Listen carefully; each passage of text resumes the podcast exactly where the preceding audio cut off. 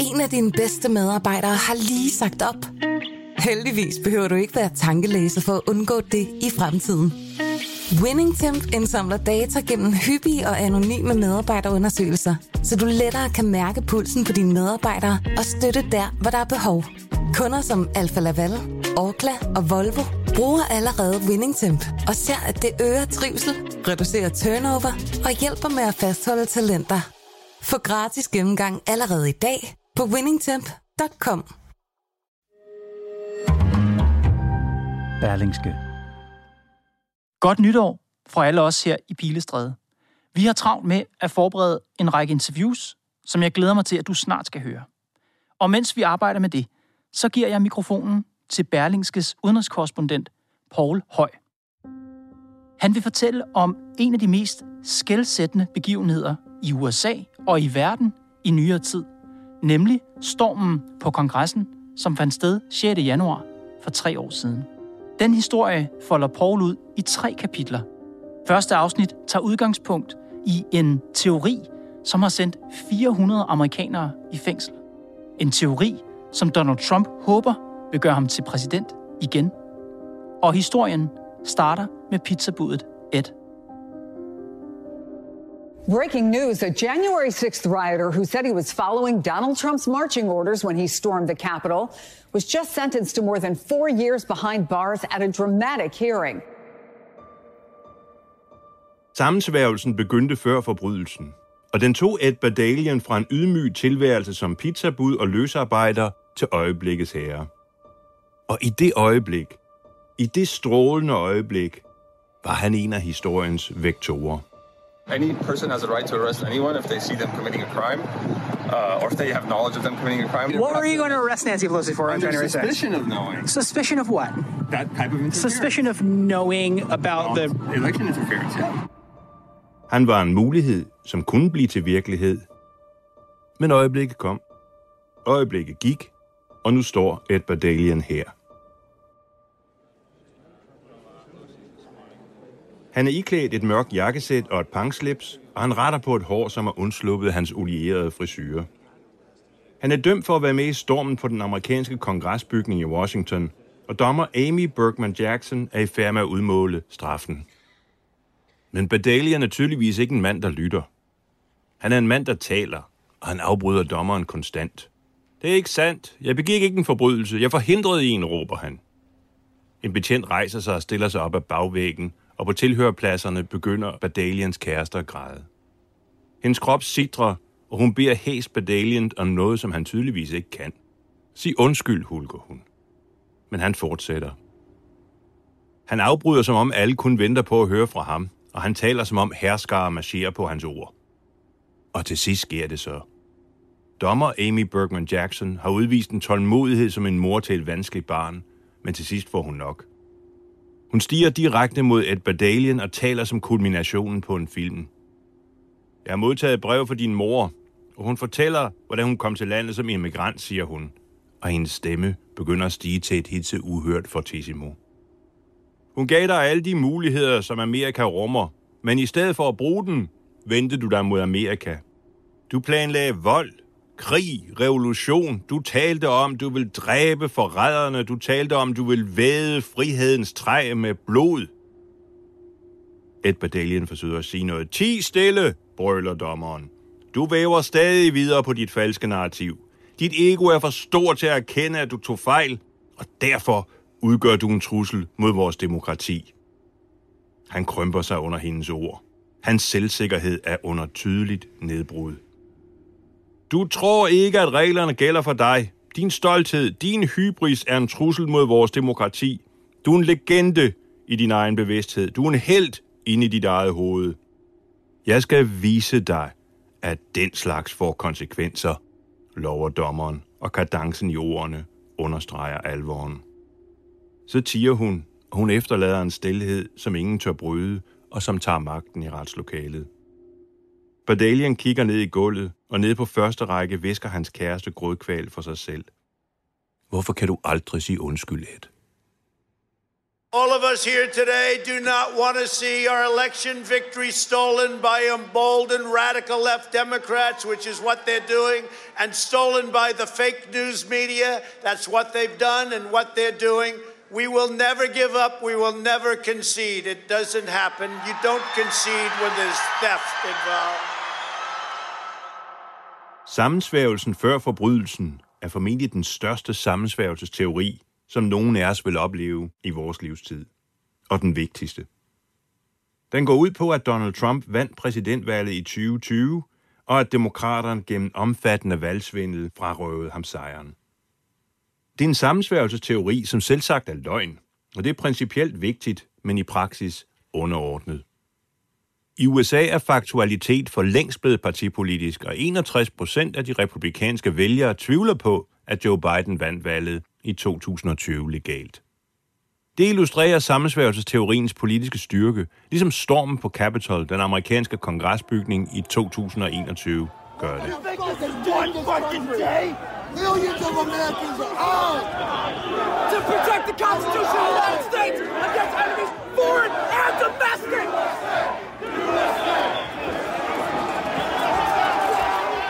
10.000 af amerikanere rejste den 6. januar 2021 til Washington for at deltage i Donald Trumps Save America-protestmøde. Og tusindvis af dem, ganske almindelige og lovlydige amerikanere, stormede kongresbygningen og afbrød godkendelsen af valgresultatet, fordi de troede på sammensværgelsesteorien. Fuck you, police!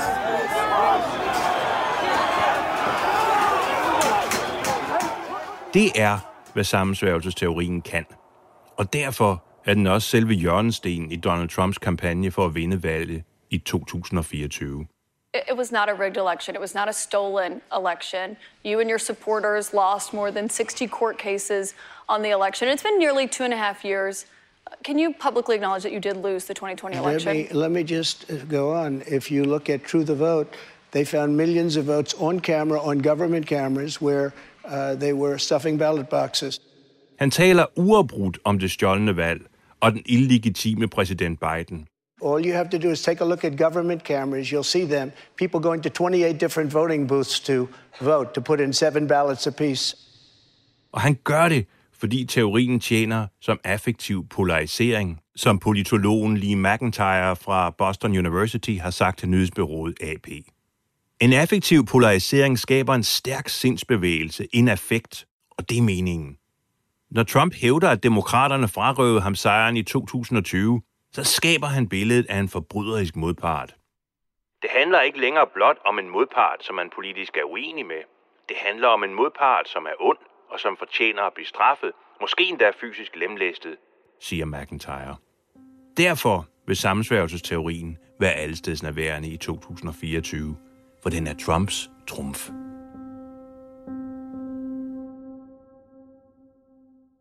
I feel like you kind of want to talk about it. Um, I feel like you, you kind of want to get it off your chest. So weak, I'm crying. Daniel Rodriguez kendte intet til affektiv polarisering. Han vågnede ikke op en dag og sagde, at han ville være en fodsoldat i en af de største og vigtigste sammensværgelsesteorier, som de fleste af os vil opleve. Han vidste bare, at hans liv var tomhed. Han har aldrig haft en far, som han kunne læne sig op af, og han har aldrig oplevet succes. Livet var som snefnug, det smeltede mellem hænderne på ham. Som 37-årig boede han med sin mor i et lille hus i Fontana, en ydmyg forstad til Los Angeles. Og vi mistede også huset, som han bitter der kendt i en FBI-afhøring. How do you get to January 6th? Like how, what's, what else happens in that period of time?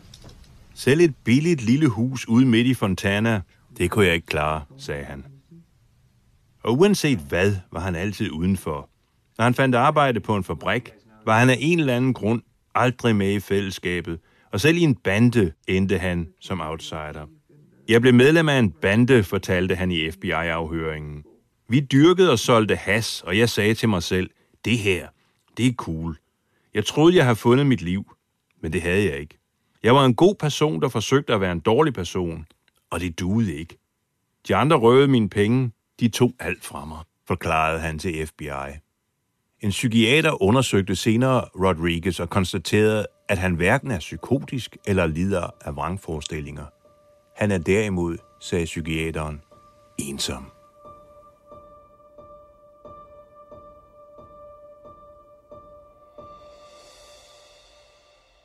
I am the girlfriend of Edward Bedallion, J6 defendant, prisoner number 386625. Um, he was taken on September 26th from me. I en anden forstad i en anden ende af Los Angeles voksede Ed Badalian op. Hans forældre emigrerede fra Armenien i 1988, og seks år senere fik de Ed. Han var ikke engang fyldt et år, da faren rejste sin vej og forsvandt. Moren var damefrisør, og hun kunne ikke forgylde sin Ed, men hun kunne forgude ham.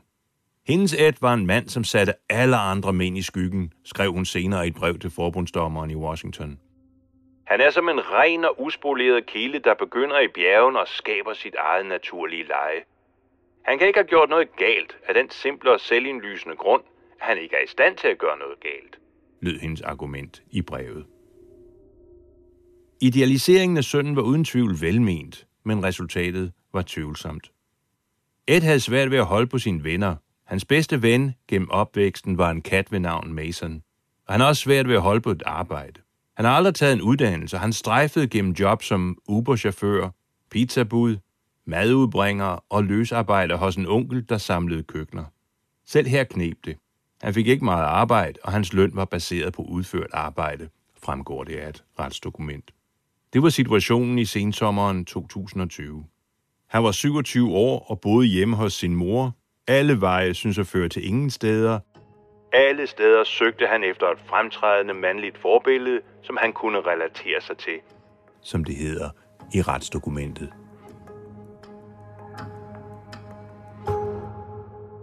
Sådan begyndte Ed Badalian og Daniel Rodriguez's vej ind i en sammensværgelsesteori, der er så mægtig, at den endte med at kortslutte deres liv. Og de er langt fra ene om det. Thousands of people laid siege to the Capitol on January 6th, but when the dust settled that day, police had only made a handful of arrests. Then, in the weeks and the months that followed, one of the largest Justice Department investigations of all time brought in hundreds of arrests. I forbundsretten i Washington er forløbig over 1100 mennesker blevet dømt for at deltage i stormen på Capitol, og op mod yderligere 1000 sager er på vej. Det er den største kriminelle efterforskning i USA's historie. Berlingske har fulgt en halv snes af sagerne i retten, og vi har læst retsakterne i mange andre. Og sammen danner de et billede af sammensværgelsesteoriens aktører. Her er en enlig mor og yogainstruktør, som dirigerede mængden med en mikrofon. Her er en velhavende bedemand, som sprøjtede insektmiddel mod en politimand og flere pressefolk. Her er en professionel ondebuksemodel. Her er en bøssepornostjerne. Her er 28 nuværende og tidligere betjente. Her er en stand-up-komiker. Her er en tidligere oberstløjtnant, som radikaliserede sig selv foran fjernsynet. Her er en fremtrædende læge, som radikaliserede sig selv under coronanedlukningen. Her er en tidligere olympisk guldmedaljesvømmer. Her er en kosmetolog fra Beverly Hills. Her er en DJ, som filmede sig selv, mens han røg en joint i senatet. Her er en far, som blev angivet af sin egen søn. En mor, som blev angivet af sin egen datter. Her er en fitnesstræner, som vil skyde en demokratisk politiker i hovedet. Her er en ejendomsmaler, som troede, hun aldrig ville blive retsforfulgt, fordi hun havde, som hun sagde, hvid hud og lyst hår. You wrote, sorry, I have blonde hair, white skin, a great job, a great future, and I'm not going to jail. Sorry, haters. Her er de, og de er så forskellige som Amerika. De ligner Amerika, og deres ene fælles træk er Trump. De kom for Trump. Trump har brug for os, skrev en af dem op til opstanden. Trump har kaldt os til kamp, skrev en anden. Og en tredje forklarede sine følgere på de sociale medier, at kampråbet kom, som han skrev, fra The Don himself. The attack on our nation's capital on January 6th, 2021, was an unprecedented assault on the seat of American democracy. Derfor er Donald Trump i retssag efter retssag i den tomme stol. Han fylder hele lokalet uden at være der. Han satte alt det her i værk, sagde en forsvarsadvokat. Advokaten gjorde en håndbevægelse i retning mod dommerpodiet og anklageren. Og hvor er han? Hvor er Trump? sagde han. Svaret er, at han er på vej. Trump er på vej. Trump er tiltalt for 91 anklagepunkter i fire straffesager mod ham. Heraf drejer 17 af anklagepunkterne sig om forsøg på at omstøde et lovligt valg. Good evening. Today, an indictment was unsealed, charging Donald J. Trump with conspiring to defraud the United States, conspiring to disenfranchise voters, and conspiring and attempting to obstruct an official proceeding. Den vigtigste af sagerne er berammet til at køre i Washington fra den 4. marts 2024 og flere uger frem, hvis højesteret tillader sagen at fortsætte. Her vil anklagemyndigheden i givet fald forsøge at dokumentere, hvordan Donald Trump gennem sin sammensværgelsesteori med forsæt forsøgte at bedrage sig til præsidentmagten. Og det er den anden grund til, at sammensværgelsesteorien er så vigtig. Teorien er Trumps trumf. Den er hans kilde til affektiv polarisering af vælgerne, men den er også hans akilleshæl, og dermed oplever vi to modsatte dynamikker, der som massive stormfronter nærmer sig hinanden.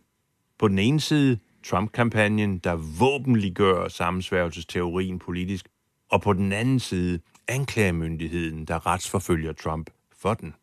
På den ene side affektiv polarisering for at få Trump valgt som præsident, og på den anden side aktiv retsforfølgelse for at få Trump sendt i fængsel.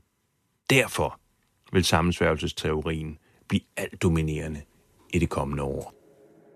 I know your pain. I know you're hurt. We had an election that was stolen from us. It was a landslide election, and everyone knows it, especially the other side. Og mange, mange amerikanere vil de kommende år opleve, hvad Ed Badalian og Daniel Rodriguez oplevede i sensommeren 2020. De vil opleve, hvordan sammensværgelsesteorien griber den, som den greb de to. Det 195 sider lange udskrift af FBI's afhøring af Daniel Rodriguez illustrerer grebet. Få måneder efter sin deltagelse i stormen på Capitol blev han anholdt og afhørt. Han sad i et lille forhørslokale, og hele hans forspildte liv snorede rundt om ham. You have the right to remain silent. Han var bange for, at hans mor ville finde ud af, hvad han havde gjort. Han var bange for, at han ville komme til at rødne op i et fængsel, som han sagde. Han var bange for, at hele verden ville pege fingre af ham. Jeg er en lort, klynkede han. Jeg er et røvhul. Jeg er så dum. Skal vi få fat i nogle lomteklæder, spurgte den første FBI-agent ham. Nej, nej, græd han videre. Det giver ingen mening at græde. Jeg må ikke græde. Shouldn't be crying. I'm a grown man I knew what I was doing. FBI-agenterne sad tålmodigt gennem hans eksercits i selvmelidenhed, og de stillede så det spørgsmål, som de bare ventede på at stille. Hvorfor gjorde du det? Spurgte den første FBI-agent ham. Infowars, svarede Rodriguez lakonisk og straks. Everybody we have on is fighting with everything they've got. This is a war against you and your family of inflation and collapse. So when you keep us in the fight, you keep yourself in the fight, and this is life and death. So go to InfoWarsStore.com. Infowars er et medie bygget op omkring sammensværgelsesteoretikeren Alex Jones. Han er blandt andet dømt for at påstå, at Obama-regeringen stod bag skoleskydningen mod Sandy Hook folkeskolen. I sine lyd- og videoudsendelser varsler Alex Jones, at USA er på vej mod en borgerkrig, og han hisser sine lyttere og seere op til ubetinget at følge Trump. Og i august 2020 lyttede Daniel Rodriguez som aldrig før, og han troede på hvert et ord, og han besluttede at kaste hele sit liv ind på for Donald Trump genvalgt. So Trump became president, Trump became president. and you wanted to join the army. Jeg blev ved med at tro, vi var på vej mod en borgerkrig, fortalte han til FBI. Jeg blev ved med at tro, at det ville blive hot. Jeg søgte efter sandheden. Jeg søgte efter svarene. Og da jeg fandt sandheden og svarene, så var det op til mig at gøre noget ved dem, som han forklarede. I den anden ende af Los Angeles besluttede det tidligere pizzabud Ed Badalian samtidig det samme. Han blev også grebet af sandheden og svarene, og som i en trumpistisk udgave af blinkende lygter, så blev han og Daniel Rodriguez ført mod hinanden. De har aldrig før haft en far i deres liv. De har aldrig følt en mening med deres liv. Som drivtømmer var de blevet kastet omkring, men nu fandt de meningen, og de blev en del af, som det hedder i en retspsykiatrisk beskrivelse, en kult omkring Trump. De følte fællesskab og fælles aktivitet, som det hedder i beskrivelsen. De følte en social nytte, mission og tilknytning. Og snart begyndte Daniel Rodriguez helt uironisk at kalde Donald Trump for far.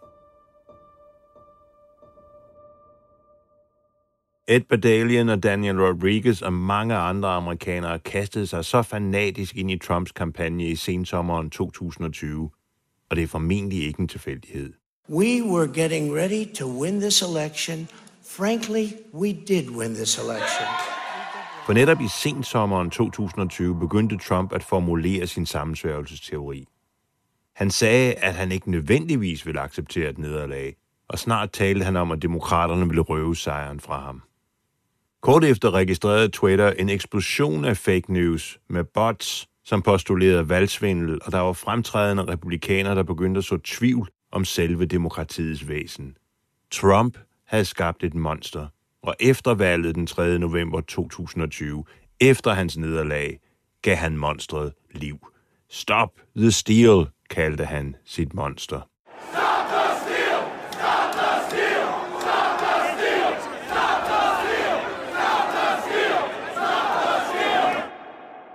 Trump-kampagnen anlagde 62 retssager for at få omstødt valgresultatet i ni svingstater, og den tabte dem alle. Dommerne fandt ingen beviser for valgsvindel. Trumps egen justitsminister Bob Barr oplyste, at hans ministerium havde undersøgt alle anklager om valgsvindel og ikke fundet et eneste tilfælde. Den samme besked kom fra FBI. I told him that the stuff that his people were shoveling out to the public were bull- was bullshit. I mean, that the claims of fraud were bullshit. And, uh, you know, he was indignant about that. For Trump var det underordnet. Facts var underordnet. Sejren var alt. En af Trumps mest loyale rådgivere, Hope Hicks, advarede mod konsekvenserne af hans mere og mere militante og desperate tone. Det vil skade dit eftermæle, sagde hun til ham, ifølge hendes vidneudsagn foran kongressen. I was becoming increasingly concerned that we were Ingen kærer sig om mit eftermæle, sagde Trump. Ikke hvis jeg taber. Det handler kun om at vinde. En undergangsstemning begyndte at brede sig i det hvide hus. En bunkerstemning. Nyhederne om nederlag retssager og efterforskninger kom som nyheder om tabte slag på fjerne fronter. Og Trump reagerede derefter. Da justitsminister Bob Barr meddelte, at der ikke var et eneste bevis på valgsvindel. Kastede han sin frokost mod væggen. Ketchup drev ned af tapetet, bevidnede en anden lojal medarbejder senere. Midt i december 2020 afviste højesteret så hans aller sidste retsappel, og spillet var til synlædende ude. Alle legale muligheder var afprøvet, og alle legale muligheder havde slået fejl. Trump ville ikke høre tale om det, lod han forstå, og han rasede til sin stabschef Mark Meadows. Jeg vil ikke have, at folk skal vide, at vi har tabt. Det er ydmygende. Find en løsning. Folk skal ikke vide, at vi har tabt. Og løsningen blev følgende. Trump og hans inderkreds vil presse kongressen med vicepræsident Mike Pence i spidsen til at nægte at godkende valgresultatet. Det var en fuldstændig vanvittig og dybt ulovlig idé, sagde en jurist i det hvide hus til en af Trumps folk, som han sagde til vedkommende. Du skal hyre en fucking god strafferetsadvokat. Du får brug for en. Men Trump og hans folk fortsatte uanfægtet, og for at skabe yderligere pres, kaldte han sine fodsoldater til Washington. Som han skrev lørdag den 18. december i et af de mest skæbnesvangre tweets i Twitters historie. Valgnederlag er statistisk umuligt. Stor protestaktion i Washington, D.C. den 6. januar. Mød op. Det bliver vildt.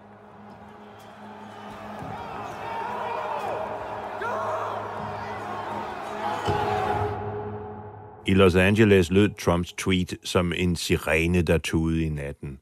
Daniel Rodriguez og Ed Bedalian levede nu i en alternativ virkelighed, hvor de var sikre på, at demokraterne havde røvet sejren fra dem.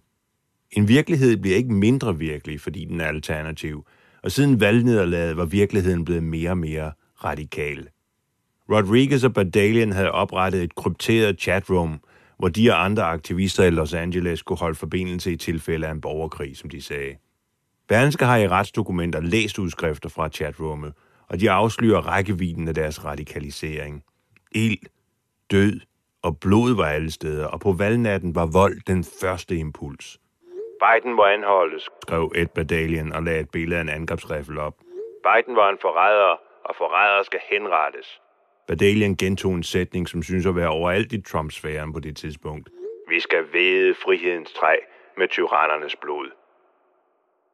Medlemmerne af gruppen løbetrænede, og de øvede med skydevåben på en paintballbane, og buen af voldsparathed var spændt til action.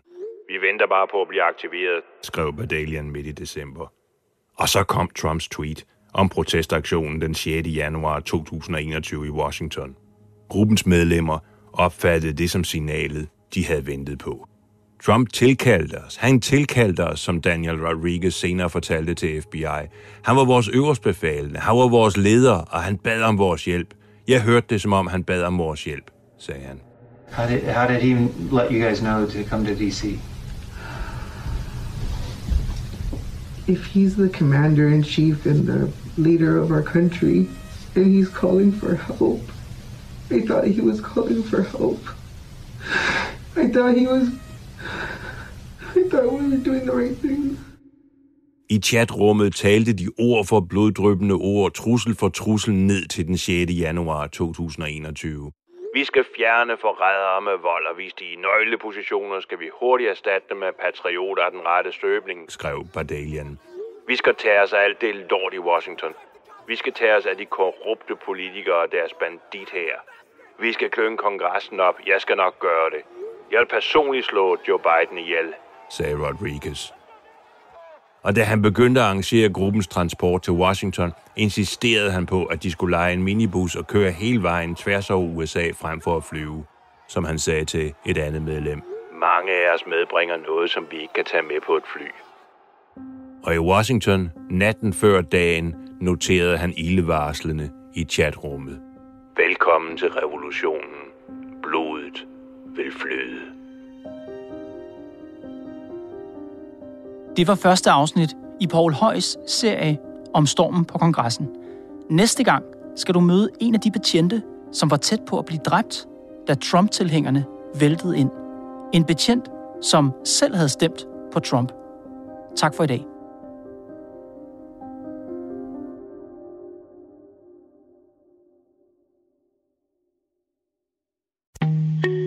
En af dine bedste medarbejdere har lige sagt op. Heldigvis behøver du ikke være tankelæser for at undgå det i fremtiden. WinningTemp indsamler data gennem hyppige og anonyme medarbejderundersøgelser, så du lettere kan mærke pulsen på dine medarbejdere og støtte der, hvor der er behov. Kunder som Alfa Laval, Orkla og Volvo bruger allerede WinningTemp og ser, at det øger trivsel, reducerer turnover og hjælper med at fastholde talenter. Få gratis gennemgang allerede i dag på winningtemp.com.